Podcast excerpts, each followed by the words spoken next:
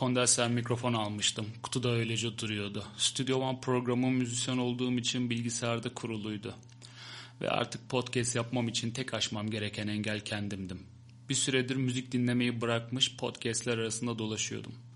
Genelde Wikipedia kafasında olan podcastler bana imitasyon gelmeye başladı. Hayatımda özel şeyler yaşadığımı düşünüyordum. Kaç kişi Türkiye turnesi yapma şansını elde etti ki? Kaç kişi üç büyük şehirde yaşama fırsatı elde eder? Kaç kişi 450 sayfa kitap yazmıştır hayatında? Kaç kişi gettolarda progresif metal ve klasik müzikle büyümüştür? Ünlü rock yıldızlarıyla ve büyük siyasetçilerle çalışma fırsatım oldu. Denizler ve yüksek rakımlı tepeler gördüm. Yazılar yazdım, şarkılar besteledim. Sonra fark ettim ki her hayat özeldir. Benim yaşadığım hayat altı üstü sadece basit bir hayattı. Sevgili Atatürk'ümüzün Türkçe'ye kazandırdığı bir kelime, açı. Açıyı değiştirdiğimde hayatlar hayatları izledi.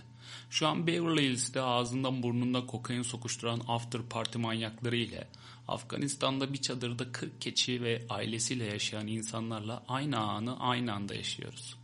Bu hayatın muazzam varyasyonu bir yerde zihnime müşkül pesen tripler empoze etse de diğer yerde her yaşanan hayata saygı duyup ondan bir şeyler öğrenmem gerektiğini hatırlattı bana. Paylaşmayı, öğretmeyi ve amme hizmetinden bahsedeceğim konular şurada dursun. Hayatımın 10 yılı gitar eğitmeni olarak geçti. 8300'den fazla öğrenci eğittim. Sanırım bu yönüm beni podcast üretmeye itti. Sanayide çalıştım, üniversitede de, askeriyede de, esnaflık yaptım bla bla. Size bunların benzer yönlerini söyleyeyim mi? Mesela bugün gidin sanayiye, çırak yok diye alarlar. Fakat adama şunu sorduğunda susar. E sen çırağına bir şey öğretmiyorsun. Üstüne üstlük dövüyorsun adamı. Az paraya çalıştırıyorsun. Sonra mesela üniversiteye gidin. Yüksek lisans öğrencisinden tut ne bileyim öğretim üyelerine gidin. Onlar da sanayideki çırak konumundadır. Kat sisteminde onlardan yukarıdaki hocaları onları angarya işlerle uğraştırır. Kahve taşıttırır. Git gel ayak işleri, sınav kağıdı okuma falan bilirsiniz işte.'' Bugün askeriye gidin mesela. Olay sanayi ve üniversiteden farklı değildir. Hepsi birbirinin kocası bir sürü yaşlı başlı adamın çocuksu entrikalarından dolayı yapamadıkları ya da basit işleri bürokratik olarak nasıl zora soktuklarını görürsünüz. Bunlar neden olur bilir misiniz? Türkiye'de sağlıklı bir usta çırak ilişkisi olmadığından. Usta dediğin eğilince basamak kalkınca sığınak olmalı. Bizler pek de paylaşmayı seven insanlar değiliz. Bizler altyapıya önem veren kişiler falan değiliz yani. Mesela bugün merak ettiğiniz bir konuyu nasıl yapılır olarak internette aramakla how much diye yani İngilizcesi olarak aratmak arasında inanılmaz bir kalite ve arşiv farkı vardır. İşte tam bu sebeple kanalımın introsu benim dersime hoş geldiniz diye başlar. Kendime hoca, dinleyici mi öğrenci yerine koymak üstahlığı değil bu ha. Bu podcast benim şişelerin içine koyup okyanusa attığım ve kimin dinleyip dinlemediğini pek de kontrol etmediğim kendi şahsi deneyimlerim ve çıkardığım derslerimdir. Hayatın bir metası olduğuna inanmaya başladım. Bu meta son günlerde sağda solda duyduğunuz ama pek de bir halt anlamadığınız metaverse olayları değil. Meta aslında satılmak için üretilen, alınan, satılan mal anlamında kullanılır. Ama ben en çok bu terimin oyun aleminde kullanılan versiyonu seviyorum. Bilgisayar oyunlarında meta demek oyunu iyice bilmek, bütün haritaları falan, bütün taktikleri bilmek demek. Hatta metaya iyi hakim olmak rakibinin bir sonraki adımını bile ne olacağını ezbere bilmeye kadar böyle gider. Bu bağlamda diyorum hayatın bir metası vardır diye. Mesela sabah metroya binen büyükşehir proletaryası yavaş yavaş rutini ezberler. Aynı vagonda uyanmamış şişkin ama makyajlı suratlar, birbirine karışan parfüm kokuları, lise öğrencilerinin çanta modellerini bile ezberlersin. Ara sıra misafir ettiğim yaşlı komşum bize geldiğinde önündeki çayın son yudumunu alıp koltuğa kuruldu ve ''E anlat bakalım nasıl gidiyor?'' dedi. Ben de her zamanki gibi ''İyi hep aynı valla.'' Başka ne diyebilirdim ki? Bunun üstüne ya sen de hep aynı cevabı veriyorsun deyince beni biraz tahrik etmedi değil. Ona şöyle cevap verdim. Bak Musta amca, az sonra çayın üstünde çay kaşığını paralel koyacaksın. TV kumandasıyla prime time bir program açacaksın. Eşim sana çay ister misin diye soracak. Sen ona sağ ol diyeceksin. Senin eşin gelip hadi geç oldu kalkalım diyecek dedim. Ve ardına bam bam bam bam dediklerim oldu. Gözleri fal taşı gibi açılan Musta amca bana pek bir şey diyemedi. Bense gerçekleşen kehanetlerimi yani bunun üzerine sevinsem mi yoksa sıradan olan bu rutini ezberlediğime mi üzülsem bilemedim. Hani Kaptan Jack Sparrow'a soruyorlar ya köpek balıklarıyla çevrili o adadan tek başına nasıl kurtuldun diye. O da diyor önce kıyıya yakın 3-5 metrede 2-3 gün olduğum yerde durdum. Okyanusa kokum karıştı. Sonra tüm köpek balıklarının arasından yüzerek geçtim. Beni fark etmediler. Okyanus sandılar. İşte tam olarak böyle işliyor bazen hayat. Tüm bu ezberlediğini zannettiğin hayat seni bazen ezber bozan oyunların içine dağılmıyor değil.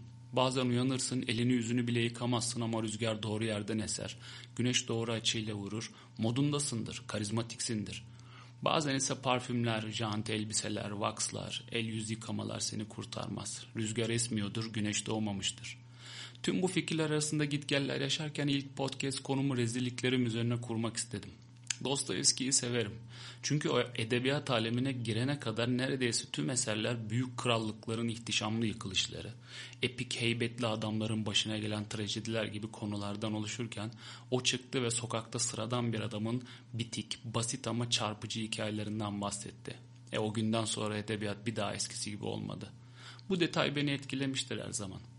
Bu nedenle ben ilk podcast konumu akıl almaz konular, ihtişamlı içerikler, her zaman podcast'te dinlediğim işte Wikipedia tırıvırıları yerine rezilliklerimi ayırmayı bu kanaldan da gitmek için devamlı aynı şeyleri yaparcasına hep de rezilliklerinden anlatmayacağım. Daha da farklı bitik gitik hikayeler anlatmaya ayıracağım.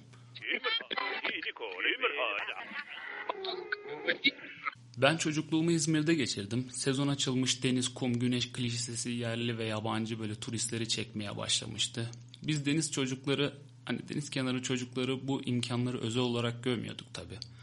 Mıcırlı yollar, sıcaktan yamulmuş demir dolmuş duraklar, susmak bilmeyen cırcır böcekleri bizim için normaldi. Bir gün elime anca sat komandolarının kullanacağı büyük bir şişme bot geçti. 2000'li yıllarda benim için muazzam bir şeydi bu. Kürekleri falan olan bir şey ha. Arkadaşımı kaptım el arabasına koyduk botu. Düşün o kadar ağır. Götürdük mahallemizin vazgeçilmez plajı Ilıca'ya. Elimizde bir tane analog pompa var. İki kişi bir saatte dönüşümlü zar zor şişirdik. Sıcak bir yandan pompa ile cebelleşme bir yandan tam final yaptık denize girmeye hazırlanacağız ki o da ne? İki tane 44 koltuk yolcu otobüsü durdu böyle zuf zuf. İçinden ağız dolusu kız koşarak olduğumuz yere doğru geldi. Kızılay kız kampıymış. Sonradan öğrendik tabi. Şezlonglar kapıldığı gizli saklı soyunmalar, piknik vari hazırlanmış yemekler çıktı. Renkli renkli havlular, kremler çıktı, terlikler giyildi. Herkes herkesi kesiyor.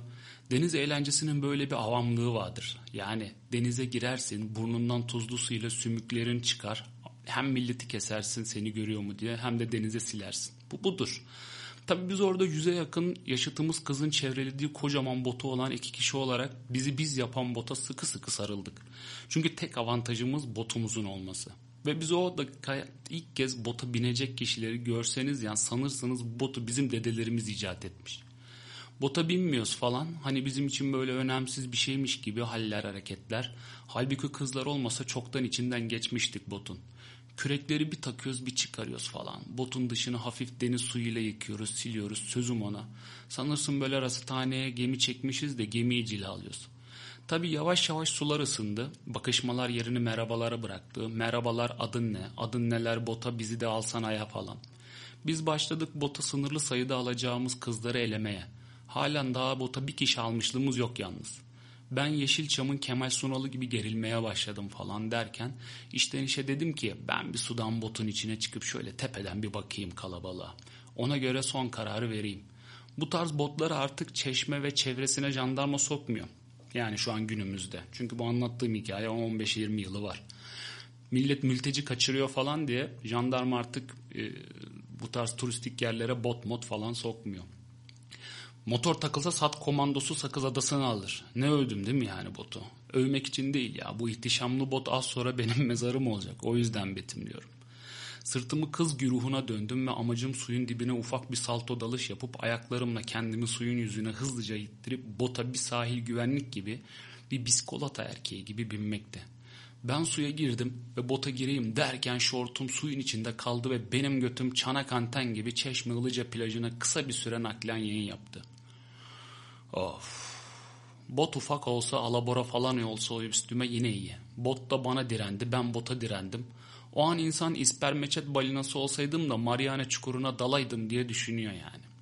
Polyanacılık şöyle dursun, rezillik hikayemin şöyle güzel artıları oldu. Ben o ufak yaşımda şunu anladım. Kızlar erkeklerde en çok götü ve el parmaklarını seviyordu. Evet, zararlı değil, karla kapanan bir gün oldu. Varsa götünüz siz de yüze yakın kıza naklen açın. Ne demek istediğimi anlayacaksınız.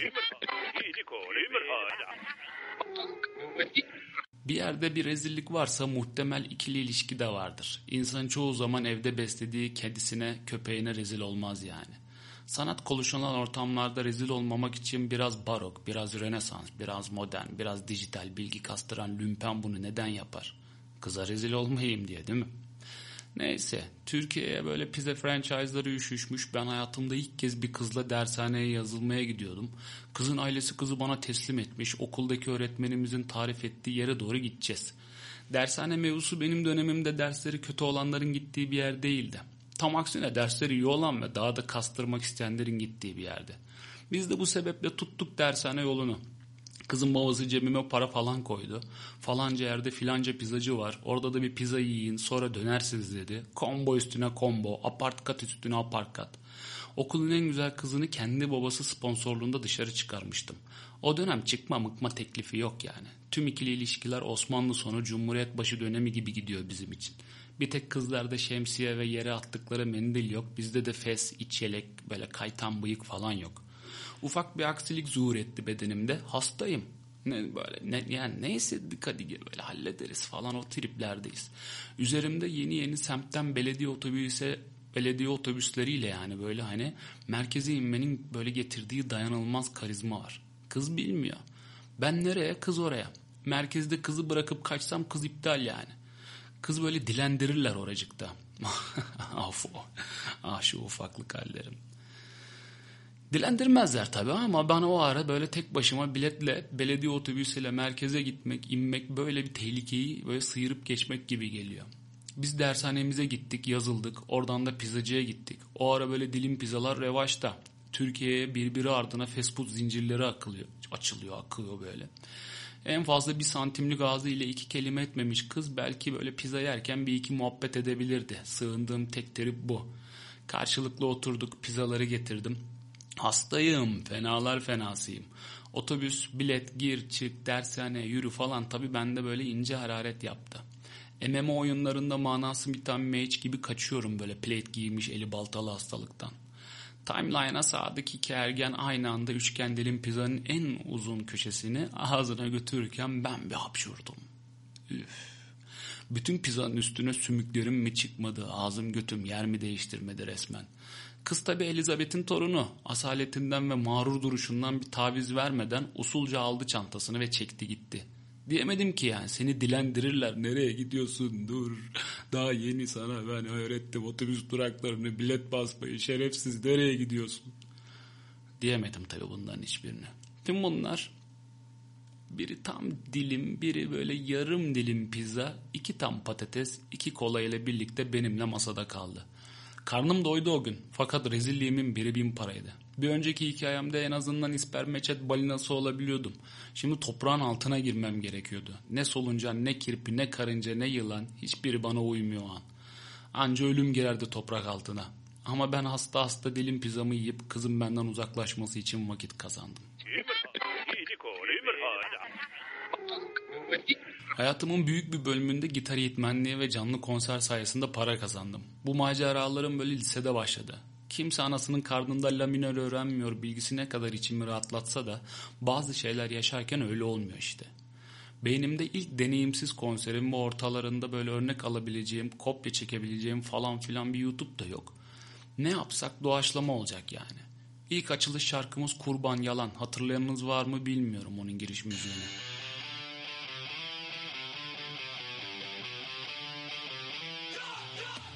Grubumuz 3 kişi, bir bas gitar, bir bateri ve vokal gitar ben. Velhasıl bu muazzam introyu çalacağız çalacağız fakat bize güzel bir sahneye giriş tribi de lazım.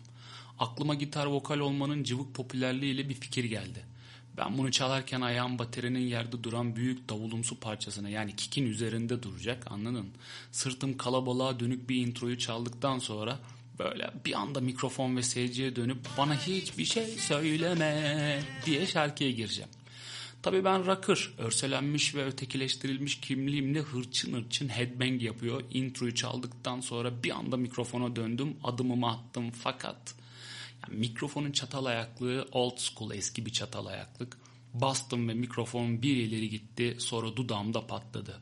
Ben ağzımdan dişimden kan gelerek bana hep bir şey söyleme falan diye şarkıyı söyledim. En önde sevgili sınıf arkadaşlarım muaa Ezli'ye bak falan diye dalga geçti. İlk seyirci kitlem böyle severdi beni işte yani düşünün. Bu konserin popçular dışarı diye ayrı bir trivi var da ona sonraki podcastlerde belki vaktim olursa değinirim. İkili ilişkilerden daha çok sahnede rezil olmuşluğum vardır. Yılbaşında müzisyenler çok fazla para kazanmak için değişik stratejilere girerler. Bunu sadece canlı müzik çalanlar bilir. O gün bir taksiciyle anlaşılır. 6-7 bir böyle hani saat olarak söylüyorum. 6-7 bir kafede çalınır. 7-9 başka mekan. 9-10 bir yerde. 10-12 yılbaşı. 12 sonrası afterlarsın falan. Ya da böyle varyasyonları programlar yaparsın. Ya işin özü o gün bir sahneden alacağın paranın çok fazlasını alırsın.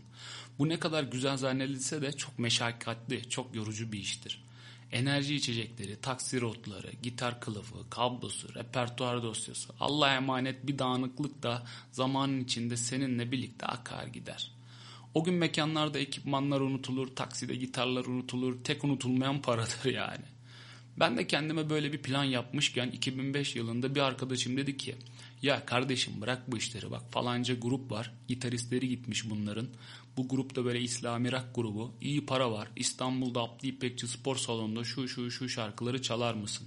Şimdi iş güzel bir tane kafeye dolaşmaktansa yani binlerce kafeye dolaşmaktansa tek mekan İstanbul Abdi İpekçi büyük alan iyi deneyim İslami rock önemli değil bana, yani bana paramı versinler İsrail folk da çalarız. Çin Halk Cumhuriyeti'ne de bağlarız. Yehova şahitlerini de eğlendiririz. Hiç sıkıntı değil. Dedim tamam. Mekana bir gittim. Her yer karanlık. 20 bin kişi Oo, falan böyle. Sahneye çıktım. O ara imajım düşük bel kapri, dikenli bileklikler falan. Hayır ekipten kimse de uyanmıyor ve ayıktırmıyor nerede ne atlayacağımızı. Adamları son dakika adamların yani böyle son dakika gitaristleri satmış. Bana kalmış herifler. Beni çekiyorlar sözüm ona. Konser bitse de defolup gitsek kafasında herkes. Sahneye çıktık. Tabii ben yine böyle hemen triplere girdim. Karşımda 20 bin kişiyi görünce. Görmek de demeyelim de. Çünkü karanlık çünkü. Yani iş sahnede daha değişik oluyor. Övdükleri sahne ışığı böyle boktan bir şey çünkü. Kimseyi görmemek beni hep böyle ayar etmiştir yani bilmiyorum. Keşke sahne ışığını mesela seviciye çevirsek. Değil mi yani? Bir kere de biz öyle çalsak. Bazen sahneye çıkmayanları böyle sahne hani sahneyi büyütmesine de böyle ayar oluyorum. Yani o ışıklar insanı pişiriyor, kimseyi göremiyorsun. Önde senin adın söyleniyor mesela sen sadece karanlığa boş ve mal bir gülümsemeyle gülüyorsun gibi gibi. Dediğim gibi ben 20 bin kişiyi böyle hissedince tribe girdim. Sanırsın Metallica 1991'de Moskova konserine çıkıyor. Hemen kurulu gitar ekipmanlarımın başına gittim. Sırtımı seyirciye döndüm. Yere eğildim. Gitar pedallarımı ayarlayacağım falan böyle. Arkadan Jimmy Jeep böyle yani arkadan e, sahnenin arkasından daha doğrusu Jimmy Jeep'i kilitlenen kameraman bağırmaya başladı. Şşt şşt gitarist hop lan kalk ayağa lan şşt gitarist oğlum kalk. Ben tabii o an böyle Kirk Hammett'a bağladığım için adamı tınlamıyorum. Sonra gelip beni uyardılar. Ne olmuş anlatayım. Jimmy Jeep tahterevalliye benzeyen bir kamera görmüşsünüzdür. O kitleniyor. Kitlendiği yer benim düşük donumdan dolayı gözüken göt çatalım tüm ekranda yani stadyuma verilen tüm ekranda yine benim naciz çanağım. Konser Necmettin Erbakan'ın partisinin konseri. Yılbaşın alternatif konser. Ben tüm bunları olaydan sonra öğreniyorum. Stat haremlik selamlık. Karanlıktan bir şey göremedim ki. Anlayacağınız merhum Necmettin Erbakan hocaya ölmeden göt götümün çatalını gösterdim.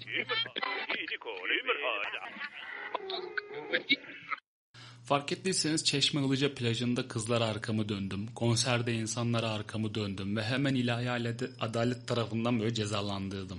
Şimdi bu yaşanmışlıkları anlatırken fark ediyorum insanlara böyle arkamı döndüğümde, gaza geldiğimde, tribe girdiğimde başıma gelenleri. Bu podcast benim için de belki hayatımı şöyle bir e, geriye dönük baktığımda ders alacağım bir böyle derleme de olabilir. Rezil olmak çok masumane bir şey bence. Korkmadım, korkmuyorum da. Amatörlerle profesyonelleri ayırt eden tek şey çalışma saatleridir derler. Profesyoneller daha çok çalışır derler. Doğrudur fakat profesyoneller biraz da rezil olmayı göze alan kişiler. Hangi rezilliğinizle devamlı yaşadınız ki zaten? Yani hepsi unutulup gitti. Kim bilir Çeşme Ilıca, Ilıca hani o bahsettiğim en baştaki Çeşme Ilıca plajına gelen o kızlar, yediğim işte pizza yediğim o tip konserimdeki insanlar neredeler? Akıllarında var mıyım? Ara ara kula, işte kulağımı onlar mı çınlatıyor değil mi? Acaba sizler kaç düğün kasetinde habersiz çekildiniz ve hiç tanımadığınız evlerde izlendiniz? İlk konum bu sebeple rezilliklerdi. Utanmadan, çekinmeden aklıma gelen binlerce rezilliğimden sadece birkaçını anlattım.